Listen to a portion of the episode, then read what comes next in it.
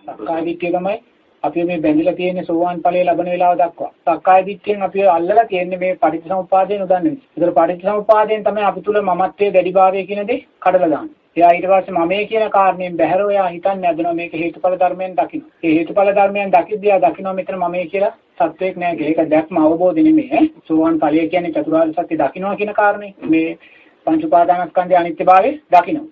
අවබෝධ කරන්නේ නැහැ. එයා දැක්කා. තේරුණාද? දැක්කා කියන්නේ දැන් මෙහෙම බලනකොට මට පේනවා අලියෙක් යනවා අත.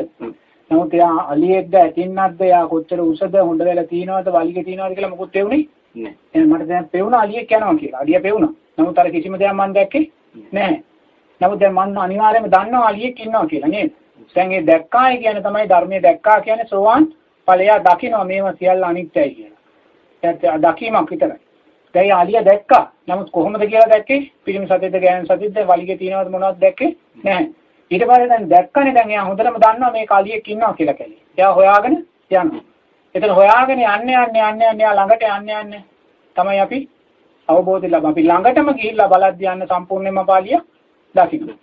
එතද ඒ සම්පූර්ණයෙන්ම දැක්කායි කියන කාරණේ තමයි චතුරාර්ය සත්‍ය පංච උපාදානස්කන්ධයේ අවබෝධය ලැබුවායි කියලා. නෝ සෝවාන් ඵලය කියන්නේ අපි අනිත්‍යයි කියලා දකිමින් ඒක ඇසුරු කරනවා. දැන් විසාකාව දරුවෝ හදාගෙන පුංචි කාලේ අවුරුදු 7 සෝවාන් වෙලා මේ මේ විවාහ වෙලා මුණුබුරු මිලිබිරි 30 ගානක් හදාගෙන අර මහා වේලු මේ පන්සල් හදලා නේද ගොඩාක් දේවල් ඒ කළා. නමුත් ඒ ඔක්කොම කළේ අනිත්‍යයි කියලා දකිමින්. දකිමින් ඒව ඇසුරු කරනවා. තම අවබෝධයක් එයාට නැහැ.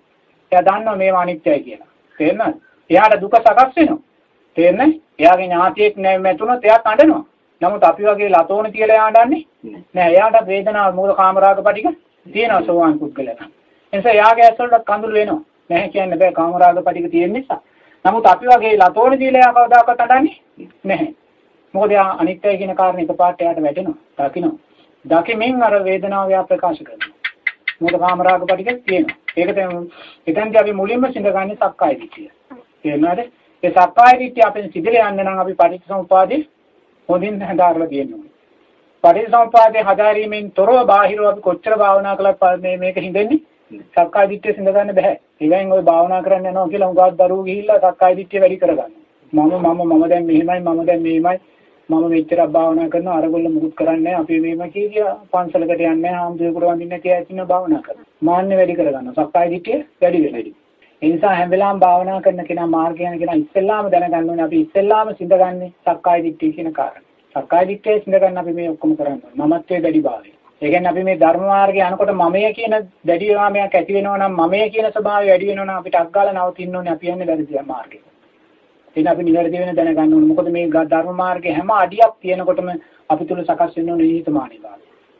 නිහතමානීභාවය සකස් වෙන්නේ නැත්නම් එනවා වහම නවතින්න ඕනේ. එහෙනම් අපි යන්නේ වැරදි පාරකට.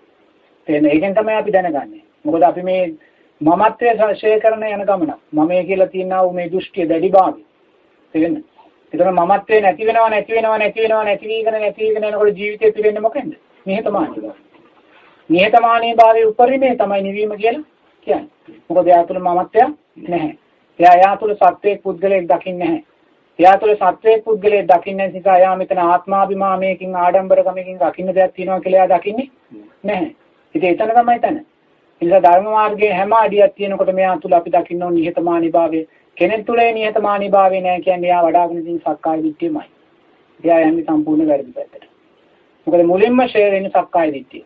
සක්කාය දිට්ඨිය ෂේ වෙන තැනදී යා තුළේ සීලබ්බත පරාමාස විචිකිච්ඡා ෂේ වෙන්නේ. ඒ තුනම ෂේ වෙන්නේ පෙරුවන් කරේ අතල සද්ධාව සකස් වෙන වෙලාව. එතකන් ෂේ වෙන්නේ නැහැ. ඒක සෝවාන් ඵලෙම සක්කාය දිට්ඨිය කියන්නේ විතරස්කන්ධ. සක්කාය දිට්ඨිය කියන්නේ මමත්වයේ දැඩිභාවය. මිත්‍යා දෘෂ්ටිය නෙමෙයි ඈ. මිත්‍යා දෘෂ්ටිය කියන්නේ පෙරුවන් කරේ අසද්ධාව. සද්ධාවක් එයා තුළ නැහැ පෙරුවන් කරේ. එතන සක්ක මේ මිත්‍යා දෘෂ්ටිය. ඒතොර මේ මිත්‍යා දෘෂ්ටියෙන් තොරව බෞද්ධයා තුළ සක්කාය දිට්ඨිය තියෙනවා. ඔව්. සක්කාය දිට්ඨිය එතෙන්ට අදාළ දෙයක් නෙමෙයි. ඒගොල්ලෝ තුළ දැඩි ආකාරයෙන් සක්කාය දිට්ඨිය දින මිත්‍යා දෘෂ්ටිය තියෙන කෙනා. ඉතින් සම්මා ලෞකික සම්මා දිට්ඨිය තුළ තමයි අපි මේක නැති කරගන්න ඕනේ. පෙරුවන් කරේ අතල සද්ධාවටපත් වෙන තැනදී තමයි සද්ධාව සද්ධාව මේ සක්කාය දිට්ඨිය ෂේ වෙලා යන්නේ. ෂේ වුණාට පස්සේ නැවත හට ගැනීමක් නැහැ. ඒක නැවත හට ගැනීමක් නැහැ. නමුත් සද්ධානුසාරී ධම්මානුසාරී කියන පුද්ගලයා තුළ තාම සක්කාය දිට්ඨිය තියෙනවා. ඒ දෙන්න තාම සක්කාය දිට්ඨිය ෂේ වෙලා නැහැ. නමුත් බුදුරජාණන් වහන්සේ කියනවා මේ සද්ධානුසාරී ධම්මානුසාරී කියන පුද්ගලයෝ දෙන්න අසත්පුරුෂ ආශ්‍රය දැඩි ආකාරයෙන් ලැබුණා. පංච නීවරණ දැඩි ආකාරයෙන් ක්‍රියාත්මක වුණොත් ඒ දෙන පිළිහෙන්න තියෙන අවස්ථා තියෙනවා කියලා. පිළිහුණාට කියන්න බෑ. දැන් මෙහෙගෙන දැන් මෙතන මහත්යෙක් ඉන්න සද්දා එයා සද්දාම එයා බුදුරජාණන් වහන්සේ කෙරේ සද්දාවේ පරිපූර්ණ කෙනෙක්. නමුත් ප්‍රඥාව පැත්ත වැඩිලා නැහැ. මොකද දැන් සෝවාන් වෙනවා කියන්නේ මේ ඉන්ද්‍රිය ධර්මයන් පහ සමව වැඩෙන්න ඕන. ඉන්ද්‍රිය ධර්මයන් කියන්නේ සද්ධා, වීර්ය, සති, සමාධි, ප්‍රඥා. මේ පහ සමව වැඩෙන්න ඕන. දැන් සද්ධාව කියන කෙනාගේ සද්ධාව පැත්ත බරයි මේ පැත්ත යට ගිහිල්ලා තියෙනවා. තේරෙනවද? ප්‍රඥාව වැඩිලා නැහැ. ඒතකොට එයා සද්ධාවෙන් තියෙනවා. නමුත් මේ පැත්ත වැඩිලා නැහැ. ඒතකොට දැන් එහෙම කෙනා අපි කියමු සද්ධානුසාරී කෙනා ලංකාවේ ඉඳලා එයා සෞදි අරාබියාට රැකියාවකට යනවා. ඒතකොට සෞදි අරාබියට ගියාම එයාට කිසිම ධර්මයක් නැහැ. නැත්නම් යුරෝපීය රටකට ගියාම ධර්මයක්, කල්යාණ මිත්‍රාශ්‍රය මොකුත් නැහැ. තියෙන්නේම අසත්පුරුෂ ආශ්‍රමයේ ලැබෙන්නේම කාමච්ඡන්දය. අන්න ඒ වෙන තැනකදී පිරිහීමේ අවස්ථා නැහැ කියන්න අපිට බෑ.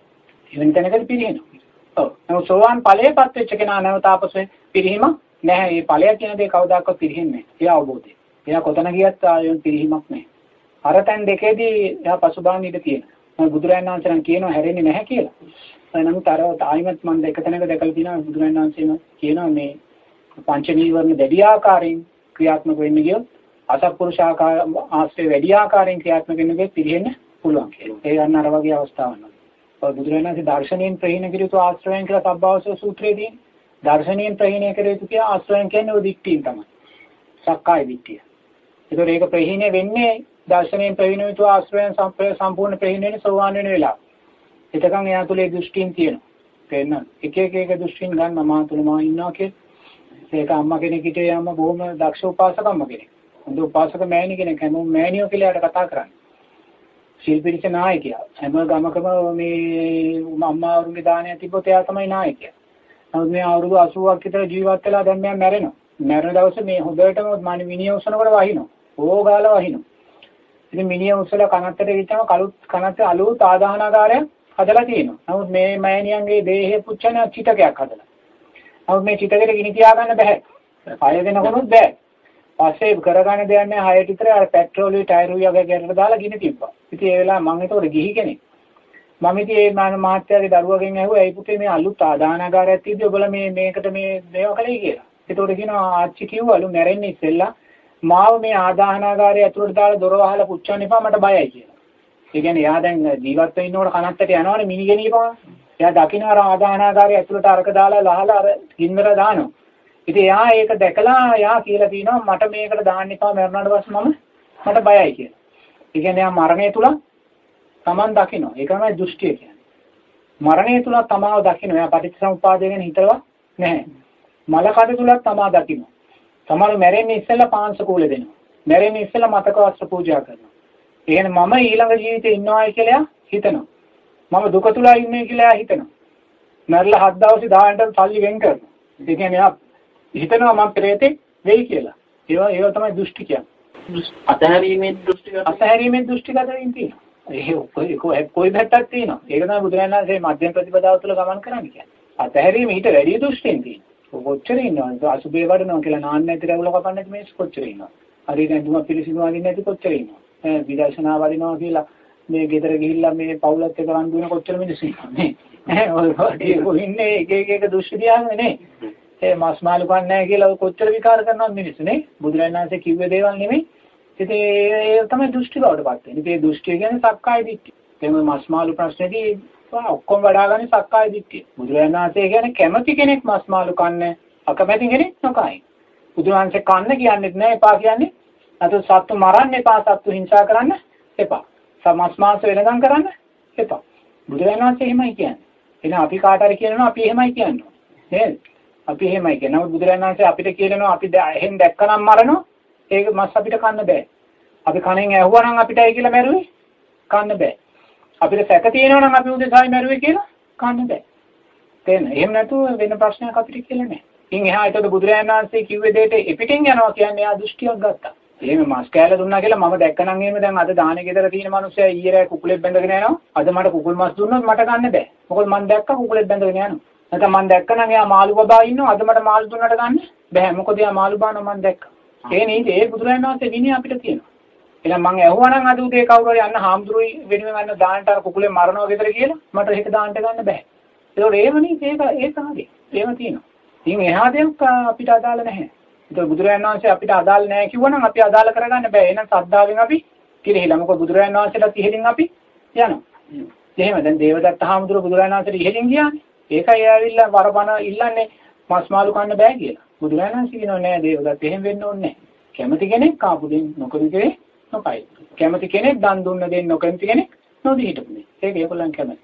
ඉතින් ඒ වගේ තමයි දැන් බාහිරව ගන්න යනකොට ඒවා දෘෂ්ටිවාද පත් වෙනවා. කොහෙද තියෙන සීලබ්බත බුදු සීල දෘෂ්ටි සමාධි දෘෂ්ටි සමාධි සීලෙන් ඉස්සරහට ගියත් ඊට පස්සේ දෘෂ්ටි සකස් කරගන්නවා සමාධිය. ඉතින් ඔය වගේ දෘෂ්ටීන් ගොඩක් ඒක බැඳෙනවා අපි සක්කාය දිට්ඨිය බිඳගත්තේ නැත්තම්. සක්කාය දිට්ඨියම තමයි අපිට දෘෂ්ටීන් සකස් කරලා දෙන්නේ. මමත්වයේ දැඩි භාවය. මමයේ කියලා ගන්න.